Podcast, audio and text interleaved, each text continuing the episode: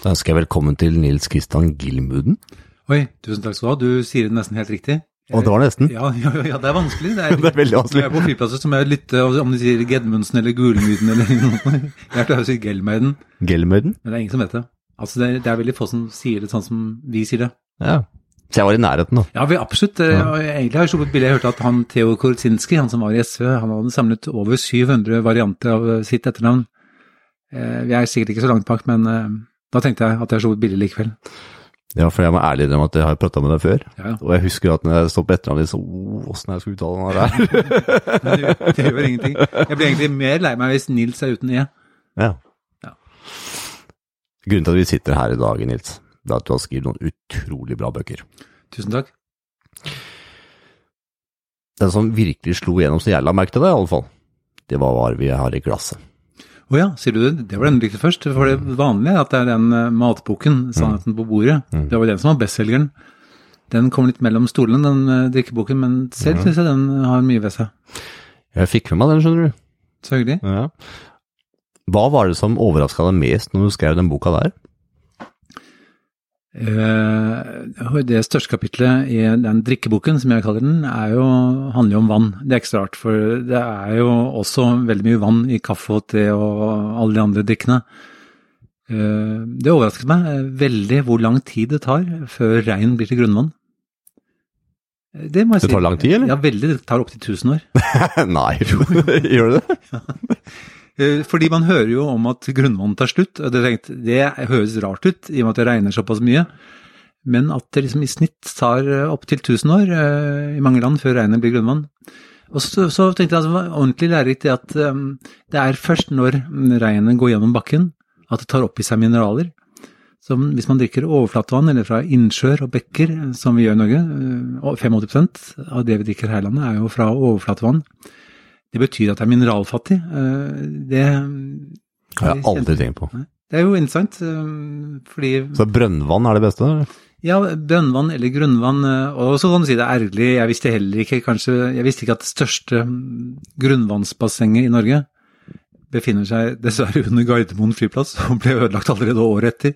Så, så sånne ting, vannkapitlet er jeg stolt av, og så, så kan du si det var interessant det med ledningene. Ofte er det jo helt superdupert eh, rent, kanskje for rent til og med, altså sånn virkelig helt kjemperenset, altså at barna har forsvunnet ut med badevannet kanskje, men, men det er veldig rent når du forlater f.eks. Maridalen vannverk.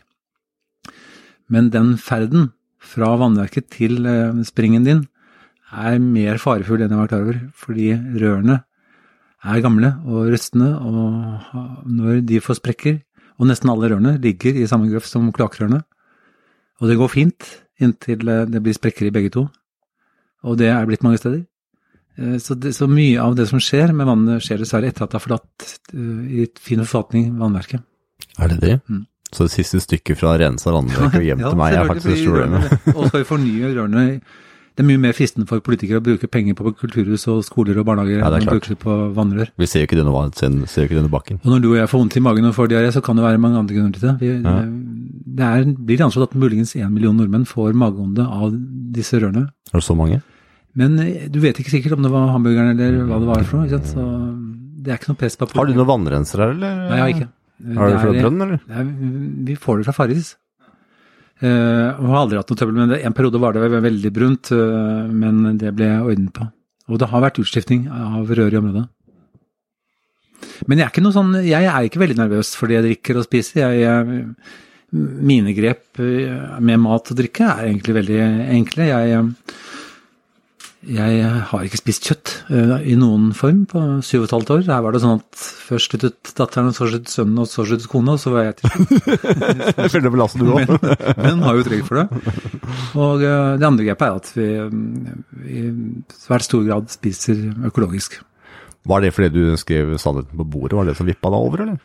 Ja, jeg har nesten hele livet har gitt blaffen i hva jeg spiser og drikker. Som mannfolk flest. Altså helt eh, dust, sånn som har stoppet på Ikea på vei hjem for å spise tre pølser til fem kroner stykket, liksom. Eh, Har vært der du òg? ja, ja, jeg, jeg har gitt blaffen i det. Jeg, jeg har tenkt at alt vi spiser og drikker i Norge er trygt. At myndighetene virker, og at, eh, at det er tilnærmet økologisk. At det brukes lite sprøytemidler, at dyrene har det bra. Alt dette her, som det er fristende å tro, har jeg trodd. Og jeg har spist hva som helst, og jeg har vært kjempemye syk. til forskjell fra min kone. Det er jo gjerne kvinner. Kvinner er, det ser jeg når jeg holder foredrag om dette her. De er mer opptatt av det de spiser og det de drikker. Og min kone, vi har vært gift i snart 31 år, hun har alltid vært mer opptatt av det enn jeg er. Og hun har vært i vårt snart 31 år lange ekteskap hatt to-tre sykedager til sammen, liksom. Jeg har tenkt, som man tenker, jeg har tenkt at det er genene. Jeg ligger og vrir meg liksom på andre uken med influensa og forkjølelser og vet ikke om det er natt eller dag. Men hun ga meg da en nyre, øh, reddet på en måte livet mitt ved å gi meg en nyre for ti år siden. Og da tenkte jeg at jeg kanskje skulle undersøke litt nærmere det som har vært hennes drivstoff opp gjennom årene, øh, for å se. Det var sånn det begynte. Jeg, jeg måtte bli alvorlig syk for å bli nysgjerrig på hva jeg spiste og drakk. Og sånn tror jeg mange, mange av oss har det. Vi blir ikke interessert før vi blir syke, og mange blir ikke interessert da heller. Ja, for du har vært journalist i veldig mange år. Ja, Egentlig er det riktig å si skribent, for jeg er ikke utdannet journalist. Men jeg har levd av å skrive siden, siden jeg var ferdig med Siden jeg leverte min hovedfagsoppgave i statsvitenskap i 1985. Så det begynner å bli noen år siden. Ja. Så når du måtte da få en nyre av din kone, Ja. som var veldig beundringsverdig av din kone, Det er veldig raust. det var det. Så fant du at du måtte finne ut av hva hun spiser, og hvorfor holder hun seg frisk. Ja, jeg hadde jo vært litt mer nysgjerrig, og det, jo ikke, det har jo heller ikke vært sånn at vi har spist forskjellige middagsmåltider. Liksom. Vi har jo spist mye av det samme. Det er jo ofte hun som har kjøpt inn. Også på matområdet har hun gått for kvalitet. Jeg har, som mange menn, gått for kvantitet eh, når jeg kjøper sko eller plater eller, eller mat. Eh, og det, det rare er jo at når vi kjøper billige sko, så merker de fleste av oss at de holder kortere og kanskje er vondere.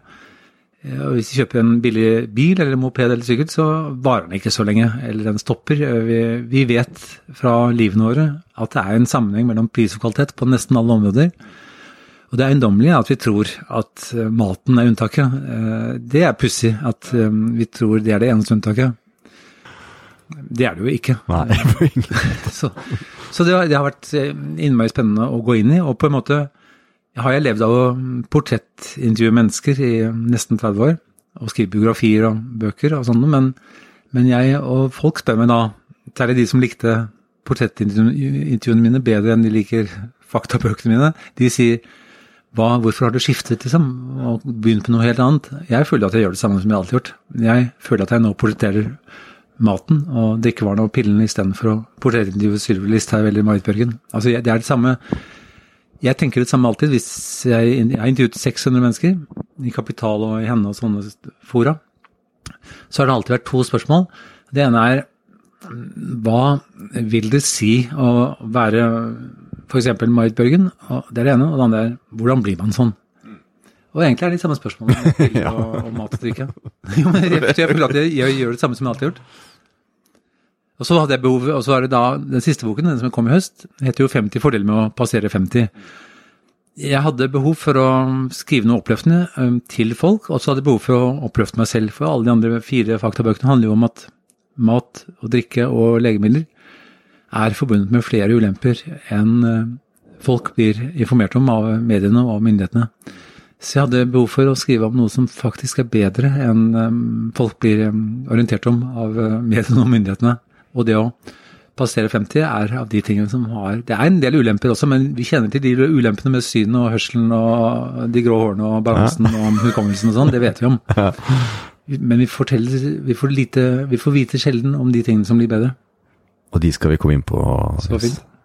Men først, hva var det du satte mest etter å ha skrevet sannheten på bordet? Det gjorde Det som var vanskeligst å skrive, eh, var jo kapitlet kapittelet om kjøtt. eh, Å forstå hvordan kyllingens 30 dager lange liv arter seg. eh, Hvordan de har det, hvordan grisene har det, hva de spiser. Eh, Det er en eh, amerikansk professor som heter Michael Pollen, eh, som har laget eh, mange bøker om mat, som jeg syns har vært forbilledlig. Og den aller fineste er kanskje den aller minste og korteste, hvor han lager enkle matregler. Han sier f.eks. et sted at eh, når du handler i butikken, så eh, ikke kjøp det som står i midten, kjøp langs sidene, fordi dritten er i midten. Sånn- det er veldig sånn folkelige råd. Det, skyldes jo at det som er langs sidene, trenger nedkjøling. Liksom. Det, er derfor det er langs sidene. Men, men han sier også, eh, når det gjelder det hva dyrene spiser, så sier han du blir det det du spiser, spiser. Det er en morsom, morsom setning. Du blir det, det du spiser, spiser. Så du, da blir du soya. Faktisk. Jo, men kyllingene kommer et skip til Jeg visste ikke det. det kommer, Apropos hva som er viktigst for meg å oppleve med den boken, noe av det som jeg ikke hadde forstått, at det kommer et skip fra Brasil til Fredrikstad hver tredje uke med over 30 000 tonn soya. Eh, Det er eh, protein, eh, i fôret til nesten alle konvensjonelle kyllinger og griser, og til oppdrettsfisk i Norge. Eh, Det er eh, interessant. Det er jo fordi det er de aller billigste proteinene i verden som dyrkes i Brasils tidligere regnskog. Men disse sammenhengene som man jo ikke ser når man handler, fyller posen sin på Coop eller Kiwi eller hvor man handler. Du vet heller ikke at når du kommer inn i butikken, så, så ser det jo som du har et ekstremt mangfold av varer å velge mellom. Men i virkeligheten, når du kommer ut av butikken mm, med posene dine, så er det sånn at nesten alt du har i posene kommer fra fire planter. Vi kan liksom dyrke 7000 planter, spise 7000 planter, men nesten alt du har i den posen din som kunde, er fra soya, mais, ris eller hvete. Eh, Det er interessant at det er, så, at det er en enfoldighet bakom den tilsynelatende mangfoldigheten. Ja, Du sa noe om at man blir det man spiser, og da ble jeg veldig nysgjerrig. Vi vet at eh, soya går utover, eh, spesielt for menn, så får man vel eh, mye eh, østrogen. Av soya gjør man ikke det? Ja, det er eh, Det inneholder noe som heter fytoøstrogener, altså mm, kvinnelige kjønnshormoner i planteform. Eh, Det er nok det er uenighet om hva som er grunnen til at sædkvaliteten faller så mye. Det er mange grunner til det. antagelig. Det er, Du det er min, min, ja, ja, min, jo, jo, men den neste boken min, dette står jeg midt oppi nå, den neste boken min skal hete Spermageddon og handle om alle, Ja. Ja, det høres kanskje ut som en dårlig pornofilm.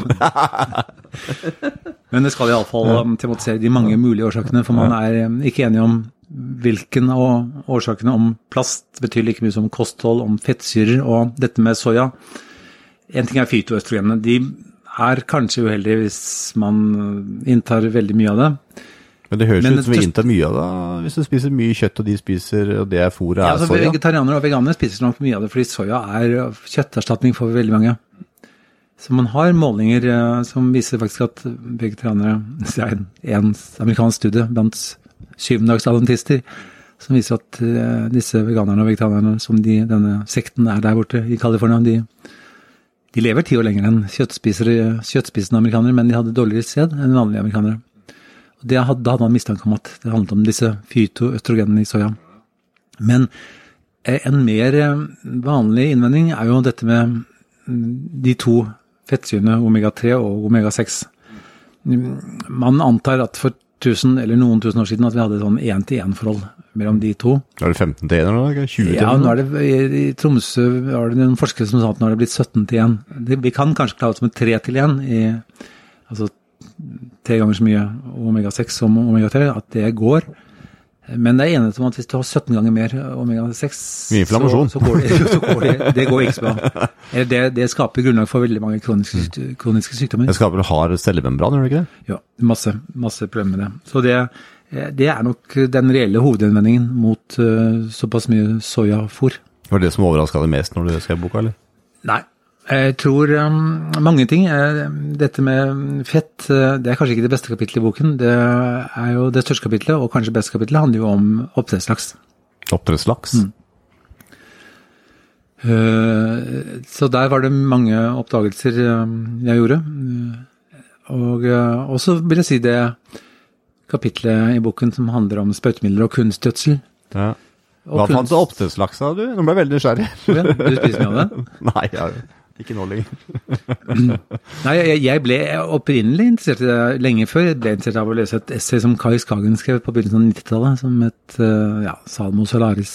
Eh, Jeg, det har interessert meg vagt, og jeg prøver ofte å og jeg klarer å interessere meg ofte for ting som andre ikke interesserer seg for, så jeg har skrevet mye om eh, mest miljøvirkningene av oppdrett, eh, som er mange og alvorlige.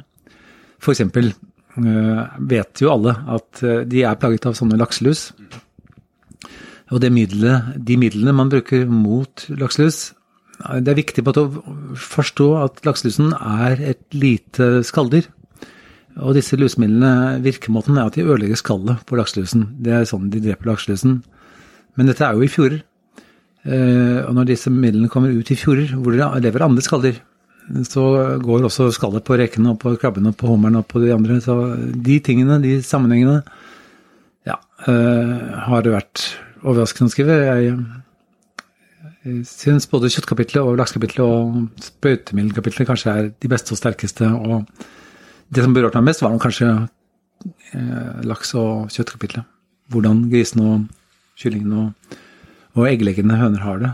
For eksempel visste jeg ikke at hvis du er eh, bonde med eh, å lage egg, så må du på en måte betale når ikke lenger høna di legger ett om dagen, så kommer du til å avlive den eh, etter en kort stund for å kunne overleve økonomisk.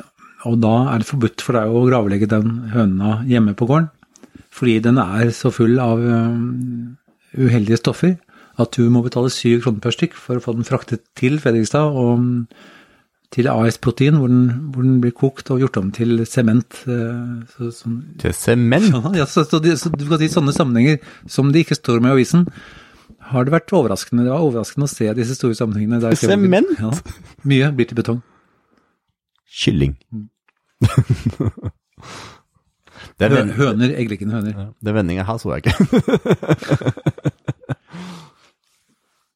jeg vet liksom ikke hva jeg skal si, Nils, for jeg, jeg kjenner at det, Vi fikk jo akkurat vite at uh, en annen på Stortinget som uh, sa ja til å dumpe dette avfallet fra oppdrettslaks oppe i Lofoten.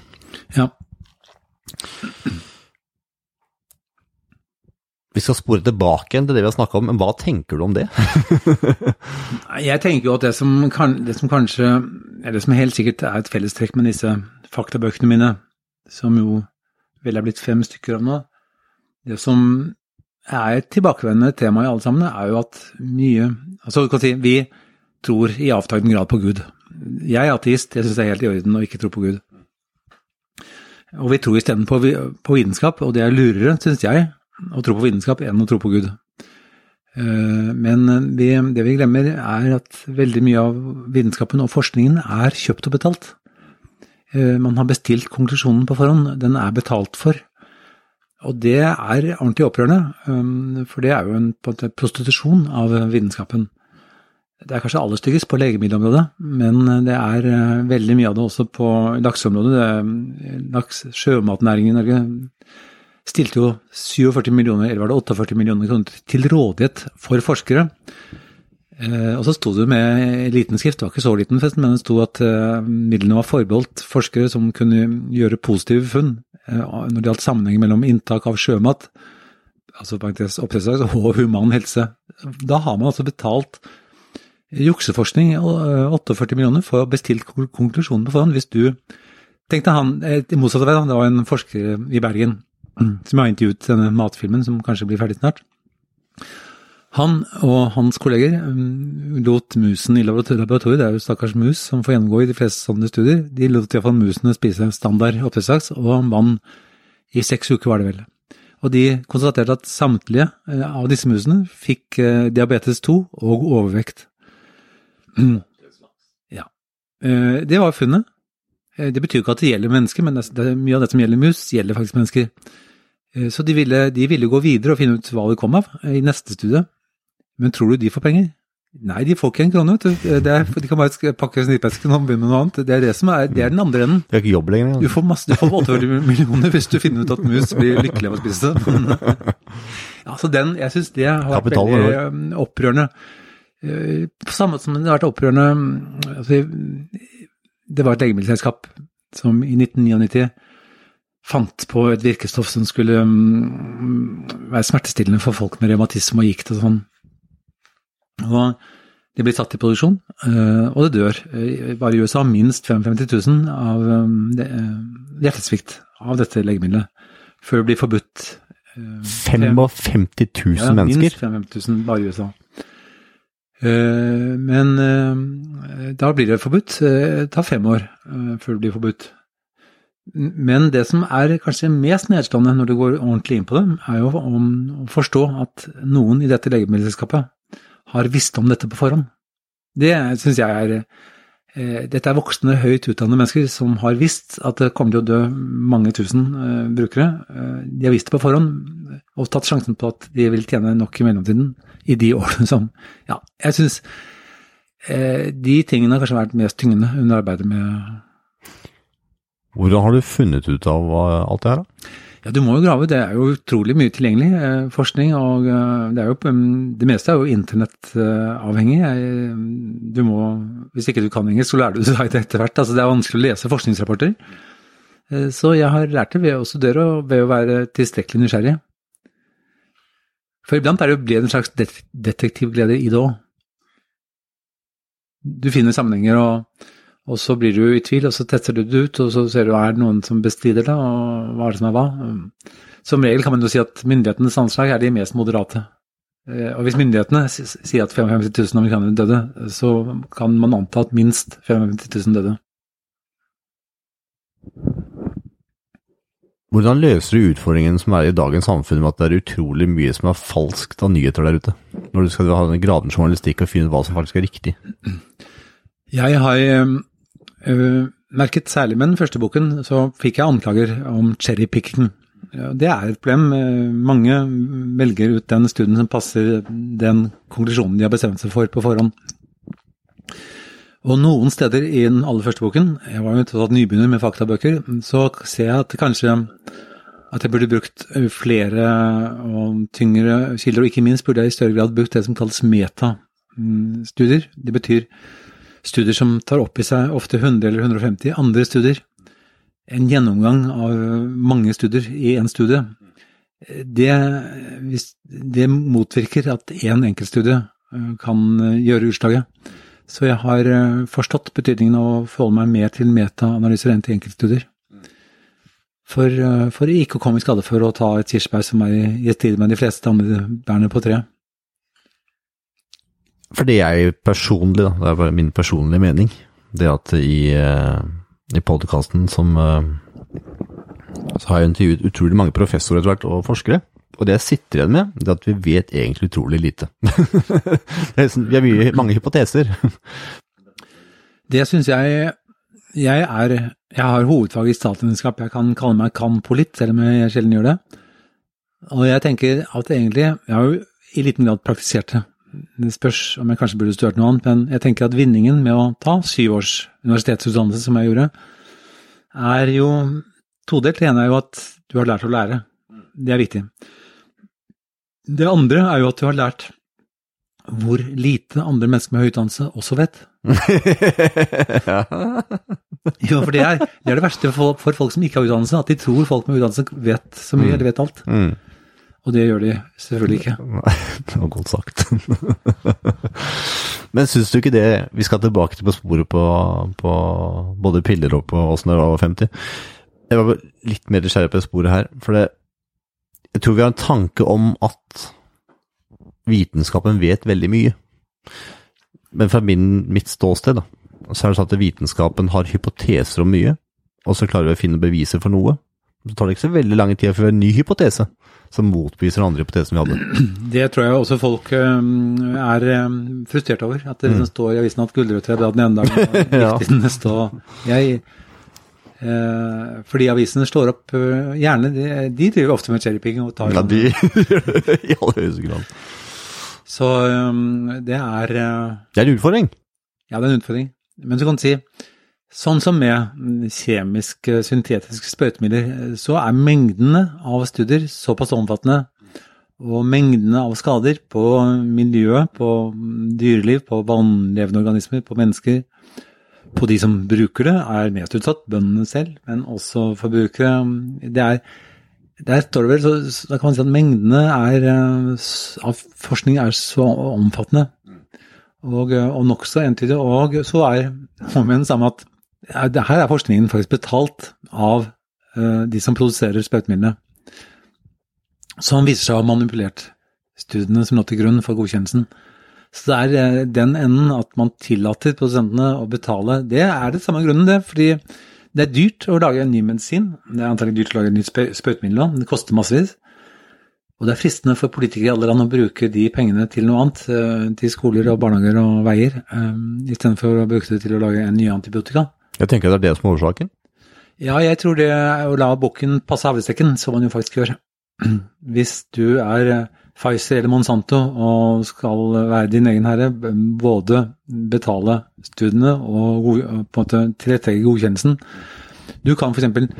teste ditt middel det man gjør hvis man har en pille, hvis du har funnet opp et virkestoff mot uh, angst eller forkjølelse, uh, så skal du Det finnes ikke så mange virkemidler mot forkjølelse, men i alle fall er det sånn at du skal prøve det ut mot sammenlignende med andre foreliggende midler. Og du kan f.eks. sammenligne det med så mange du ønsker, og i så store doser du ønsker. Du kan egentlig um, kaste um, terningen til du får en sekser, f.eks.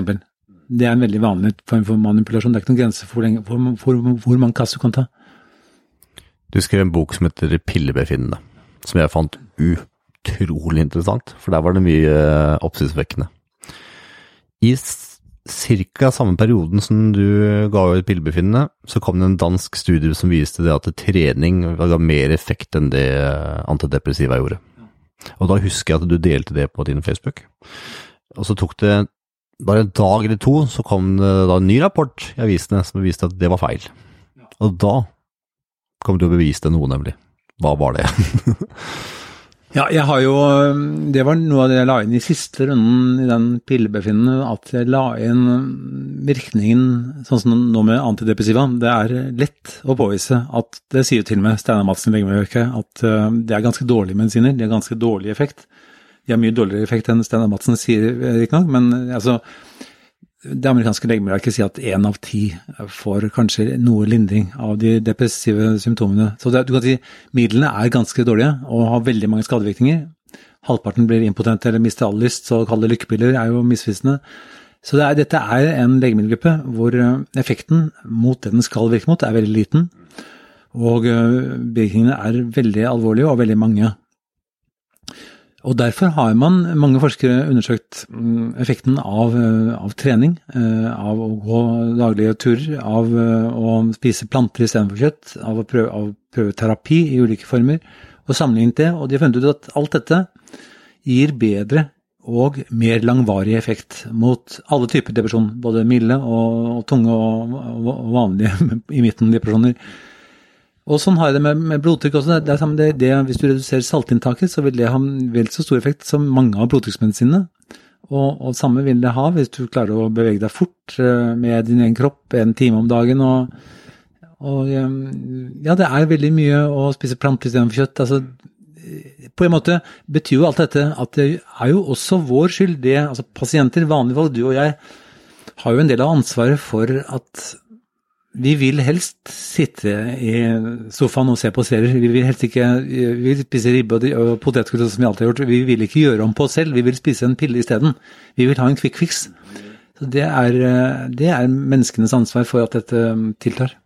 Det var nemlig én ting jeg ville spørre deg om, og jeg ville at du skulle utdype nemlig det spørsmålet. Og det var at eh, da den danske studien kom fram, så ble det skrevet om at trening ga mer effekt. Og så tok det to dager, tror jeg, neste dag, så skrev avisen om at det stemte ikke, for her var de legemidlene som funket best. Og da gikk du nemlig gjennom den studien som da var blitt vist i neste på avisene, at det da ble det tatt vekk noen studier som eh, Husker du det? Ja, jeg tror jeg husker det. Jeg, jeg husker iallfall en som jeg la ut, eh, for jeg er jo sånn litt Facebook-ord som legger ut litt, litt Det er mye bra, da! Jo, men det du sier, er jo det som er en veldig vanlig og ganske uheldig manipulasjonsmåte er jo å ta ut uh, Hvis man gjør en kjempestudie, hvis man undersøker liksom 10 000 eller 100 000 mennesker, og så tar man ut uh, av studien de menneskene som faktisk um, f.eks. får muskelsmerter eller hukommelsestap eller ereksjonssvikt hvis, hvis, du tar bort de menneskene fra studien, så skaper du jo et inntrykk av at den ikke har så mange bivirkninger. Det er en vanlig metode å utelukke øh, de som trekker seg. Og de menneskene som får alvorlige bivirkninger, de trekker seg ofte fra forsøket de fullfører ikke den måneden eller de månedene det skal pågå. Det er ganske viktig at man tar hensyn til de som avbryter studien, og det er det mange som dropper. Det er en veldig vanlig metode. Jeg, kanskje det var det du tenkte på? Ja, og så var det noe med at uh, det var det jeg minst husker at du påpekte, og så var det vel noen venner som hadde stått bak den nye metastudien også. Det var vel eh, Ja, jeg, jeg, en, som jeg, en som jeg vet er laget, som handlet om antidepressiva, som jeg syns var en veldig passende kommentar. eh, For det kom en ny sånn metaanalyse, en kjempediger en i Lancet. eh, Ja, den er det. den, den, den, og den kjempestor studie i Lancet, eh, og den viste også at antidepressiva har svært liten effekt eh, på denne skalaen de bruker. Men den ble, pussig nok så ble den presentert som, i, også i norske aviser og medier, som at nå endelig var det bevist at antidepressiva virker. Det var det pressen formidlet videre, dessverre. Eh, endelig var liksom uh, antidepressiva frikjent, uh, selv, om, selv om effekten var enda dårligere. Enda litt dårligere enn den forrige analysen, hvor andre avisen skrev at antidepressiva ikke virker. Så det er pressen som sviktet i formidlingen. Og som en kommentator sa, altså hvis antibiotika hadde like lav effekt på bakterier som antidepressiva i studie etter studie har vist seg, også i Lancet-studien, å ha på depressive symptomer, så ville det vært forbudt for antibiotika å kalle seg det. ja, det var kanskje det du tenkte på. Det var det jeg tenkte på. Altså, det var jo lenge forsøk på å få deg til å ha en samtale med Karina Bekkemellem. Ja. Hvordan gikk det? Nei, det ble, det ble ikke noe av det. Hun var kanskje for opptatt. Jeg, jeg, det, ble, jeg ble forsøkt, ja. Ja. Og flere andre forsøkte òg. Ja. For du har jo faktisk eh, stilt deg til disposisjon å snakke om de funnene du har funnet i bøkene dine, da, med mennesker som eh, Jeg er helt enig, det var rart og uheldig. Nå er hun nok, jeg, jeg forstår jo henne litt, altså hun er jo sjef for legemiddelindustrien. Hun er jo ikke forsker, hun kan ikke disse studiene. Hun er- er leder for en organisasjon som er talsrør for eh, legemiddelprodusentene. Så hun, øh, hun er jo ikke fagleid, jeg er jo heller ikke det. øh, Men jeg har øh, drevet med det- med det i to år, jeg har lest om lite annet i to år. Så på den måten skjønner jeg jo at, øh, at hun ville være sårbar i et sånt møte med en som har, øh, har det inni huet etter å ha drevet med det i to år. Men kunne ikke kommet med en eh, stedfortreder som kunne, Jo, de kunne, og, jeg har møtt du kan si, jeg, Det burde jo vært sånn, syns jeg, da, at øh, jeg fikk møte industriens folk, eller, eller øh, Steinar Madsen i Legemiddelverket, eller Carita mm, i, mm, kanskje i NRK-debatter øh, på TV eller radio. Det var det jeg håpet på, det var det jeg trodde på. Jeg hadde møtt Etter matboken så har jeg hatt ni debatter med sjefen i Mattilsynet. Jeg trodde det skulle bli sånn. Ja, det ble ikke det. Nei. For det som jeg syns er spennende, nå skal vi snart gå inn på pillebefinnende. Du fikk ganske mye oppmerksomhet på Maten på bordet. Og Pillebefinnen som jeg syns var en utrolig god bok, og som veldig mange delte eh, på sosiale medier, den fikk du ikke så veldig mye oppmerksomhet på. Så kom 'Fordelen Fordeler med over 50. Så fikk du fire sider i VG. Ja. Eller noe sånt. Jo, jeg har fått øh, Det har jeg. Altså jeg, jeg, jeg, kan ikke, jeg, kan ikke si at det er fordi eh, den boken om å fordele med å passere 50 det, det er klart at den boken truer ingen mektige næringsinteresser. Alle de andre bøkene gjør det. Men, men det det er tankevekkende. ja, det, øh, du kan si jeg, jeg, jeg vil nødig antyde at prestene lar være å skrive om det, for, for de kan miste annonser. Altså, jeg, jeg har fått kjempeanmeldelser, helsides Jeg har aldri fått så gode anmeldelser som jeg har fått for pillebefinnende, til og med på helside i Aftenposten. Eh, så jeg tror ikke det er så enkelt som at de nødig vil rose en bok som truer annonsørene, eller truer um, lakseeksporten. Jeg Det er interessant. Ja, det, det er jo for- jeg synes det, jeg, det som jeg syns mm, Jeg, jeg tenker iallfall på gode dager at jeg har gjort den jobben med mat og drikke, og ikke minst med legemidler, som norske, norske journalister ikke har gjort på 20 år, har jeg, kan jeg tenke, noen dager. Og da syns jeg godt at de, iallfall noen av avisene kunne tatt seg bryet med å undersøke om noe av det er sant. Er det sant at legemidler er blitt den tredje vanligste dødsårsak- dødsårsaken i Norge? Er det, er det sånn, sånn at eldre mennesker vil få bedre helse av å halvere dosetten? Altså gå inn på de grunnleggende tingene. Nå er det jo faktisk fokus på legemiddelbruk blant eldre, ikke pga. meg, men pga. Pernille Brusgaard, som hun heter. På, hun reduserte gjennomsnittsbruken av piller på Bekkelagshjemmet i Oslo fra 7 til 2,3 eller og alle fikk det bedre. Men jeg hadde håpet, i og med at det er en debattbok, at det skulle bli mer debatt. Det ble faktisk en debatt i Stavanger, hvor jeg møtte talspersoner for uh, Bayer og jeg gjorde du det? Pfizer. Ja, ja. Ja, ja. uh, og som NRK tok opp, uh, tre debattkvelder på rad, uh, men det ble aldri sendt. Så det, ja, hva det skyldes, om programlederen var dårlig, om, om jeg var dårlig, om det, jeg vet ikke. Det, Jeg håpet på det, at for det skulle bli det første debatten om det i radio, men, men det var iallfall en debatt i Stavanger, da. Hvilke punkter i boka, eller hvilke tematikker eh, tok du opp i Pillebefinnet som du tror gjorde at så mange engasjerte seg? Jeg husker det var jo Sykepleierforeningen var engasjert i seg, det var utrolig mange som engasjerte seg for Pillebefinnet. Hvilke tematikker? Ja, jeg tror den tematikken som iallfall um, sykepleiere og leger og mange pasienter og pårørende kjenner igjen, det som er hovedproblemet altså Det finnes mange viktige uh, medisiner. Det første jeg skriver i boken, er at jeg spiser ni i døgnet selv for å holde på nyren jeg fikk av min kone. Det finnes mange gode og effektive medisiner, heldigvis. Og vi trenger iblant, så trenger vi, da jeg var transplantert, jeg trengte sovemedisin i to uker. Eh, Jeg trenger eh, mange av de, kanskje de fleste pillene jeg nå får i dosetten, trenger jeg for, for at ikke nyren skal bli avstøtt. Eh, Så det, og legebilen har reddet liv til millioner av mennesker. Bare, bare penicillin har gjort det. det.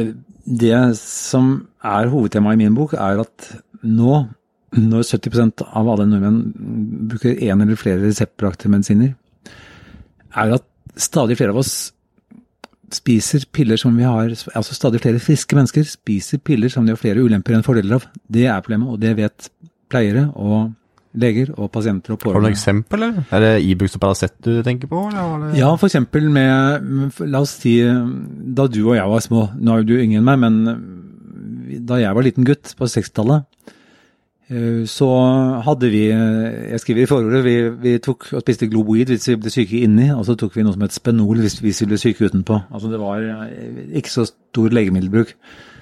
Nå er det sånn at én av ti eh, tenåringer mellom da er det 14 og 16 eh, tar Paracet hver dag. Hver dag? Ja, én av ti tar det hver dag. Altså, de, mange av dem tar det forebyggende før de har vondt. I tilfelle, liksom. Eh, og det er den store forskjellen. Nå selges det ved siden av tyggis på, på Skjell og på, på Rema. Det er jo helt nytt at det er eh, utenfor disk. Motivet var at det skulle, skulle være like tilgjengelig i hele Norge. Da ble det veldig ufarliggjort òg, da. Kanskje det som var Ja, iallfall er det sånn at unge mennesker, og eldre foreldre nå, tenker at jaha, hvis det selges ved siden av tyggis, så kan det vel ikke være så farlig. Og, og de er ikke så opptatt av å forklare, um, Legemiddelverket og avisen er ikke så veldig opptatt av å forklare at det er den vanligste grunnen til leverskade i eh, Altså legemiddelskapt eh, leverskade. Det er Paracet som skaper flest leverskader av alle medisiner i hele verden. Allerede på 90-tallet ble det lagt inn 26 000 mennesker hvert år på sykehus pga. paracetamolforgiftning. Eh, Dette står, det er ikke det som står så tydelig opplyst på pakken. Mm, eh, Så en del av sykehusinnleggelsene er jo selvfølgelig også fra folk som tar med vilje for mye, men, men uansett er det Det er ikke majoriteten. Og det er et av de mest hormonforstyrrende stoffene eh, som finnes i legemiddelform. Ok. Hva er den forstyrrer, hva forstyrrer det? Vet Det forstyrrer det? hele hormonbalansen. Det har også virkninger. Det er blant de legemidlene som kan ha uheldig effekt på din forplantningsevne av den grunn.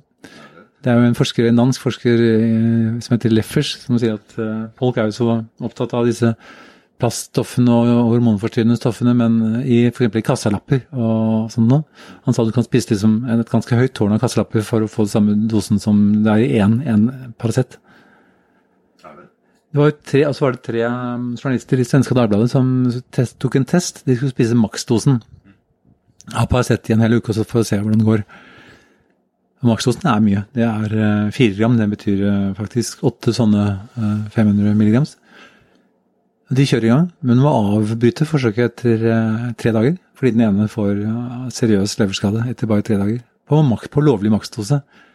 Det er, eh, ja, det er eh, Vår holdning handler jo om eh, vår holdning til legemidler eh, som foreldre. Like mye der, føler jeg. Kunnskapen rundt det. Ja. For du tar nemlig opp en annet eh, som også tror jeg blir mye brukt i Norge, og det er sovemedisiner. Ja.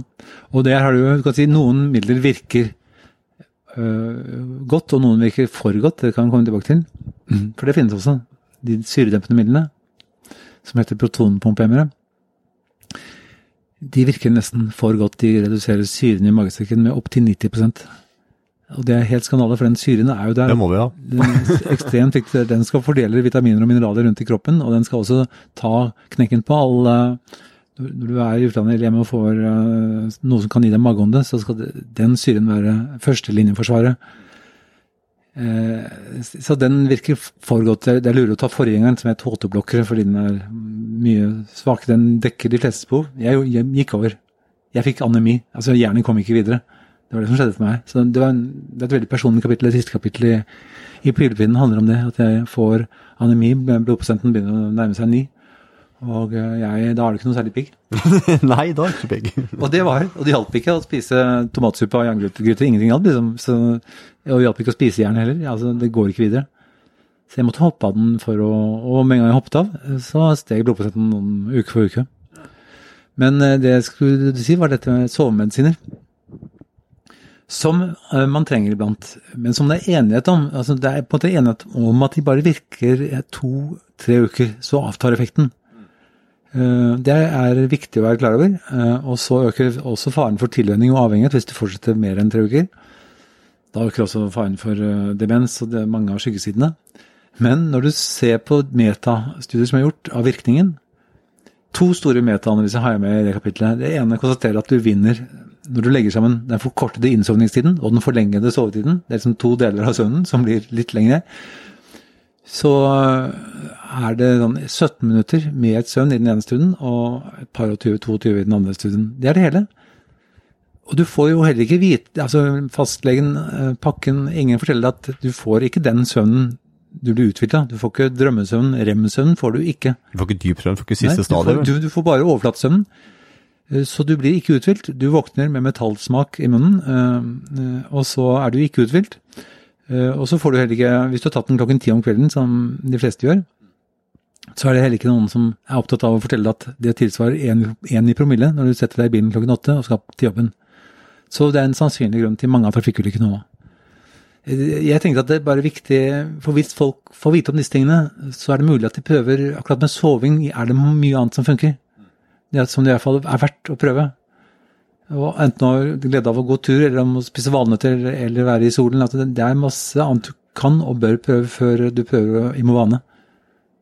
Det er rett og slett en dårlig løsning som varer kort men som jeg hadde glede av da jeg var transportert og hadde så vondt i operasjonsøret. Vi er vel enige om det at medisiner har absolutt sin eh, hensikt uh, veldig ofte og reddet utrolig mange millioner mennesker. Det er vel det med kunnskapen rundt det og fornuftig bruk. Det er vel det vi snakker om, er det ikke det? Ja. Du har nå skrevet en ny bok. Det heter 'Fordeler med over 50'. Ja, for, uh, fordele, 50 fordeler med å passere 50. Mange som tror at det er fylle. at de sier, Når de skal si tittelen til publikum før jeg skal snakke, så sier de at den heter 50 fordeler med å fylle 50. Det er det ikke. Det er 50 fordeler med å passere 50, og 60 og 70 også for så vidt, om å være eldre enn 50. Mm. Ja, er det noen fordeler? Ja. Hvor gammel er du? Uh, 38. Ja. Da er du på full fart inn i den fasen av livet som heter 40-årene, og som faktisk, hvis man, hvis man begrenser det til lykke, det er noe av det de har forsket ekstremt mye på. De har liksom spurt 600 000 folk i 32 land mange ganger, uh, ulike målinger opp gjennom årene, om lykken, hvordan den fordeler seg i livet. Og uh, nesten alle, de store stundene sier at det er en helt tydelig U-kurve. Og bunnen Du er fortsatt nedadgående. Altså, hvis du er sånn som uh, statistikken, da, så nås bunnen av lykke i menneskelivet som regel når man er i 40-årene.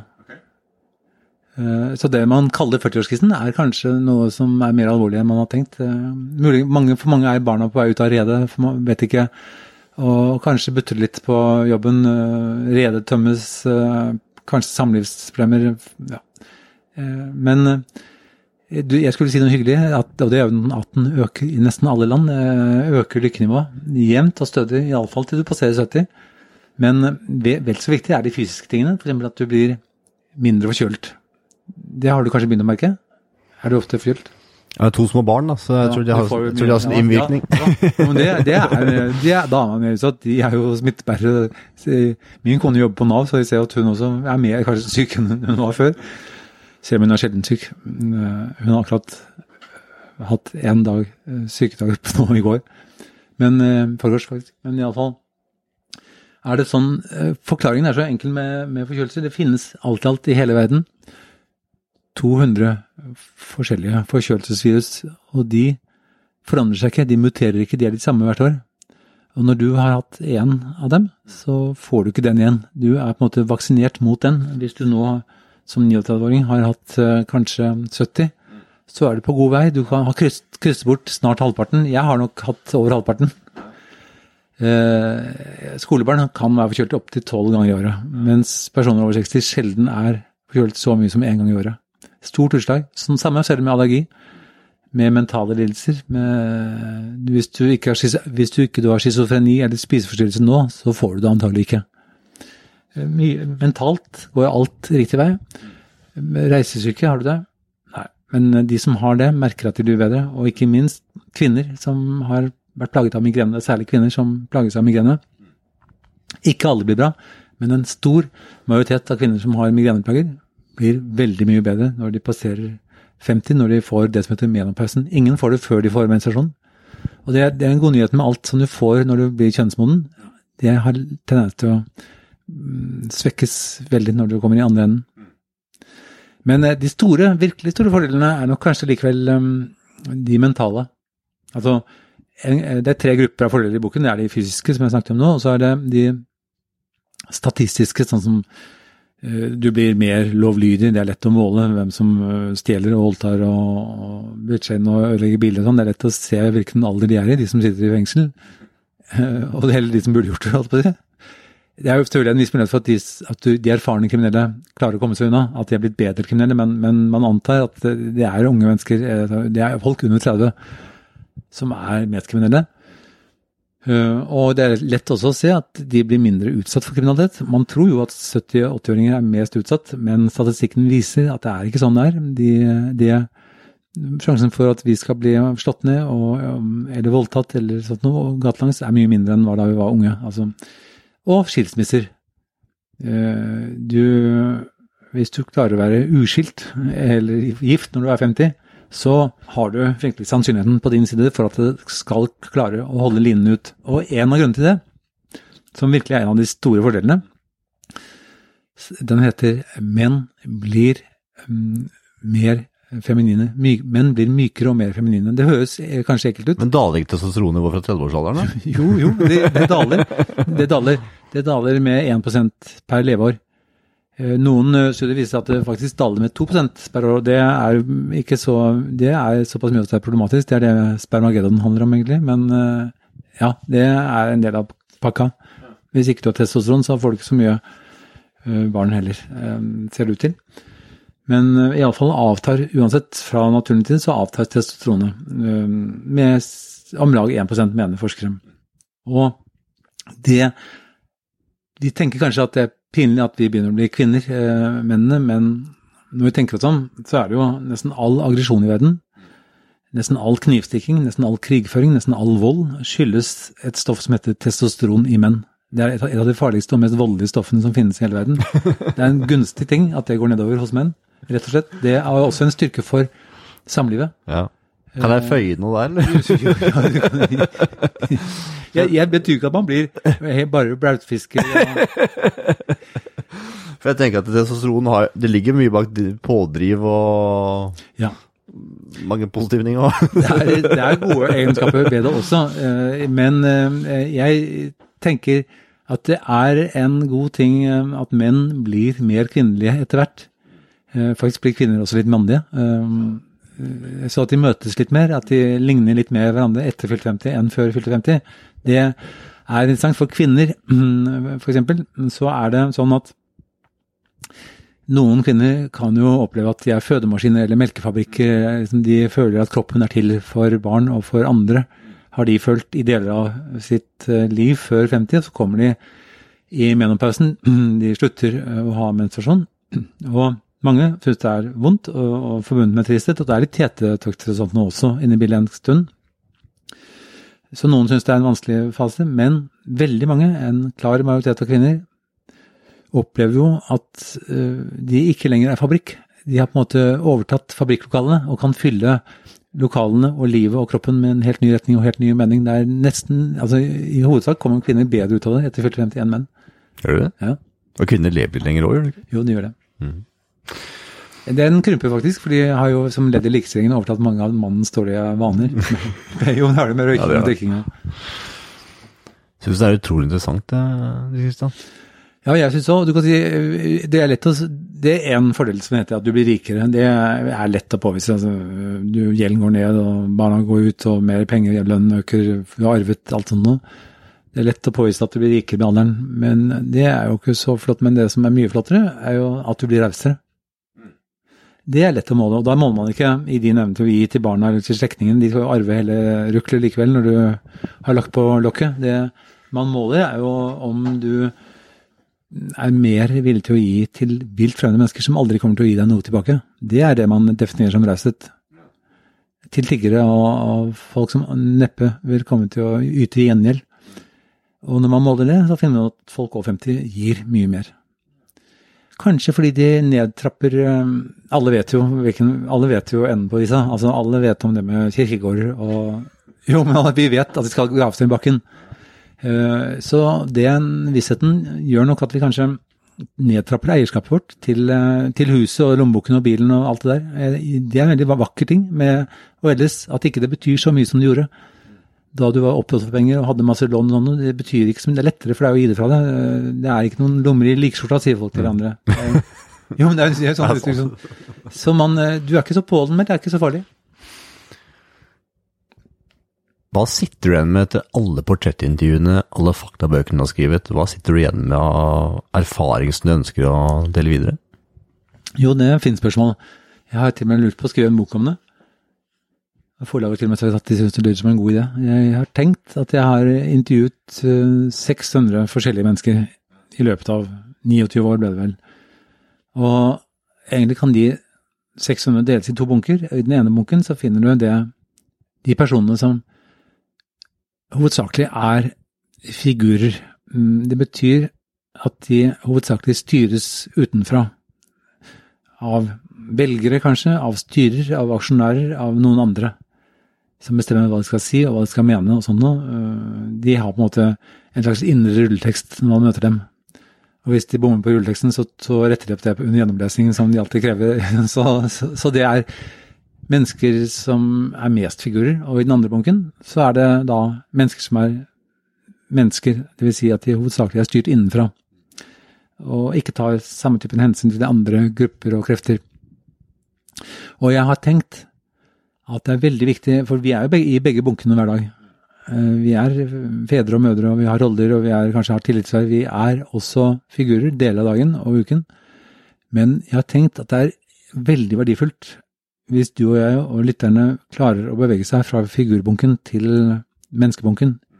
Det er kjempestor vinning for eh, oss mennesker og for menneskene rundt oss hvis vi klarer å styres innenfra istedenfor utenfra.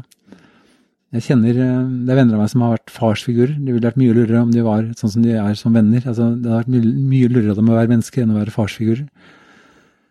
Så jeg har tenkt at uh, det er At vi, det vil være en stor vinning for hele verden, er jeg sikker på, hvis jeg, jeg har den motsatte erfaringen. Jeg satt på Vitenskapsakademiet i Oslo mellom sjefen i Mattilsynet og sjefen for Vitenskapskomiteen for mattrygghet for noen år siden. Det, da var det en foran som spurte om soya. Hun hadde hatt brystkreft og lurte på om han fikk kreft av å spise soya. Jeg sa dette her med fettsyrene og sånn. Jeg sa at mange mener at det er uheldig. og Kroniske sykdommer og inflammasjon og alt det der. Og andre syns det er uheldig å gjøre seg avhengig av råveier fra andre siden av jorden, eh, som skal reise i ukevis for å komme til Fredrikstad og alt det der. Og sjefen i Mattilsynet og Vitenskapskomiteen sa ingenting. Jeg sa Norge gror igjen, eh, fordi eh, vi dyrker ikke lenger fôr til, til dyrene våre her selv. Og når det hele var over, det var ikke lange tiden, et kvarter hadde vi liksom til eh, rådighet for å diskutere. Da det var over, så sier nesten hviskende, sier eh, han sjefen for vitenskapskomiteen til meg, Jan Alexander het han, han sier jeg er jo helt enig med deg i det der du sa om soya, men jeg kan jo ikke si det, sa han. Jeg tenker, det er, det, er akkurat det, det er akkurat det, som er problemet. Da har du lagt, da har du, du bør ikke ha jobben din, du har lagt igjen deg selv hjemme. Legger du igjen deg selv hjemme hver dag du skal på jobben? For det er det som er problemet. Mange mennesker legger igjen seg selv hjemme når de skal på jobben. De er figurer hele tiden, og de sier ikke engang det de mener om soya. For de syns ikke at det hører til eh, jobben. Han vet det, han er enig med meg, men han kan ikke si det. Da har han jo feil jobb. Da, må han, da burde han ha fått ti minutter på ryddepulten. ja, sånne ting. Jeg tenker at det er viktig. Jeg er 100 enig med deg, Kristian. Så jeg er veldig glad for at du skriver de bøkene du gjør. Takk. Jeg gleder meg veldig til å lese Spermageddon. Når, ja, jeg håper, den kommer, kommer. jeg håper den kommer i høst. Det er litt uenighet om når det er lurest å slippe den. For de som hører, og for de som lytter, hvor kan man følge med på det? Ja, så følg med. Jeg har jo ikke eh, ikke noen hjemmeside, men jeg er sånn Facebook-person. så Du er veldig ivrig der. Ja, veldig, kanskje litt for. Kanskje. Nei, veldig bra. Nei, du jeg, er jo er ensomt yrke. jeg er jo veldig ensom tyrker. Jeg sitter jo bare her eh, på toppen av to saccosekker og skriver hele dagen. Jeg, jeg trenger Fantastisk fint litt, på på Tjøme. jeg, på en måte er det litt min kantine, den Ja. Facebooken. Det er litt, jeg ser det. eh, jeg skal prøve å begrense meg. Nei da, bare fortsett. Takk for tida, Nils Kristian. Takk i like måte.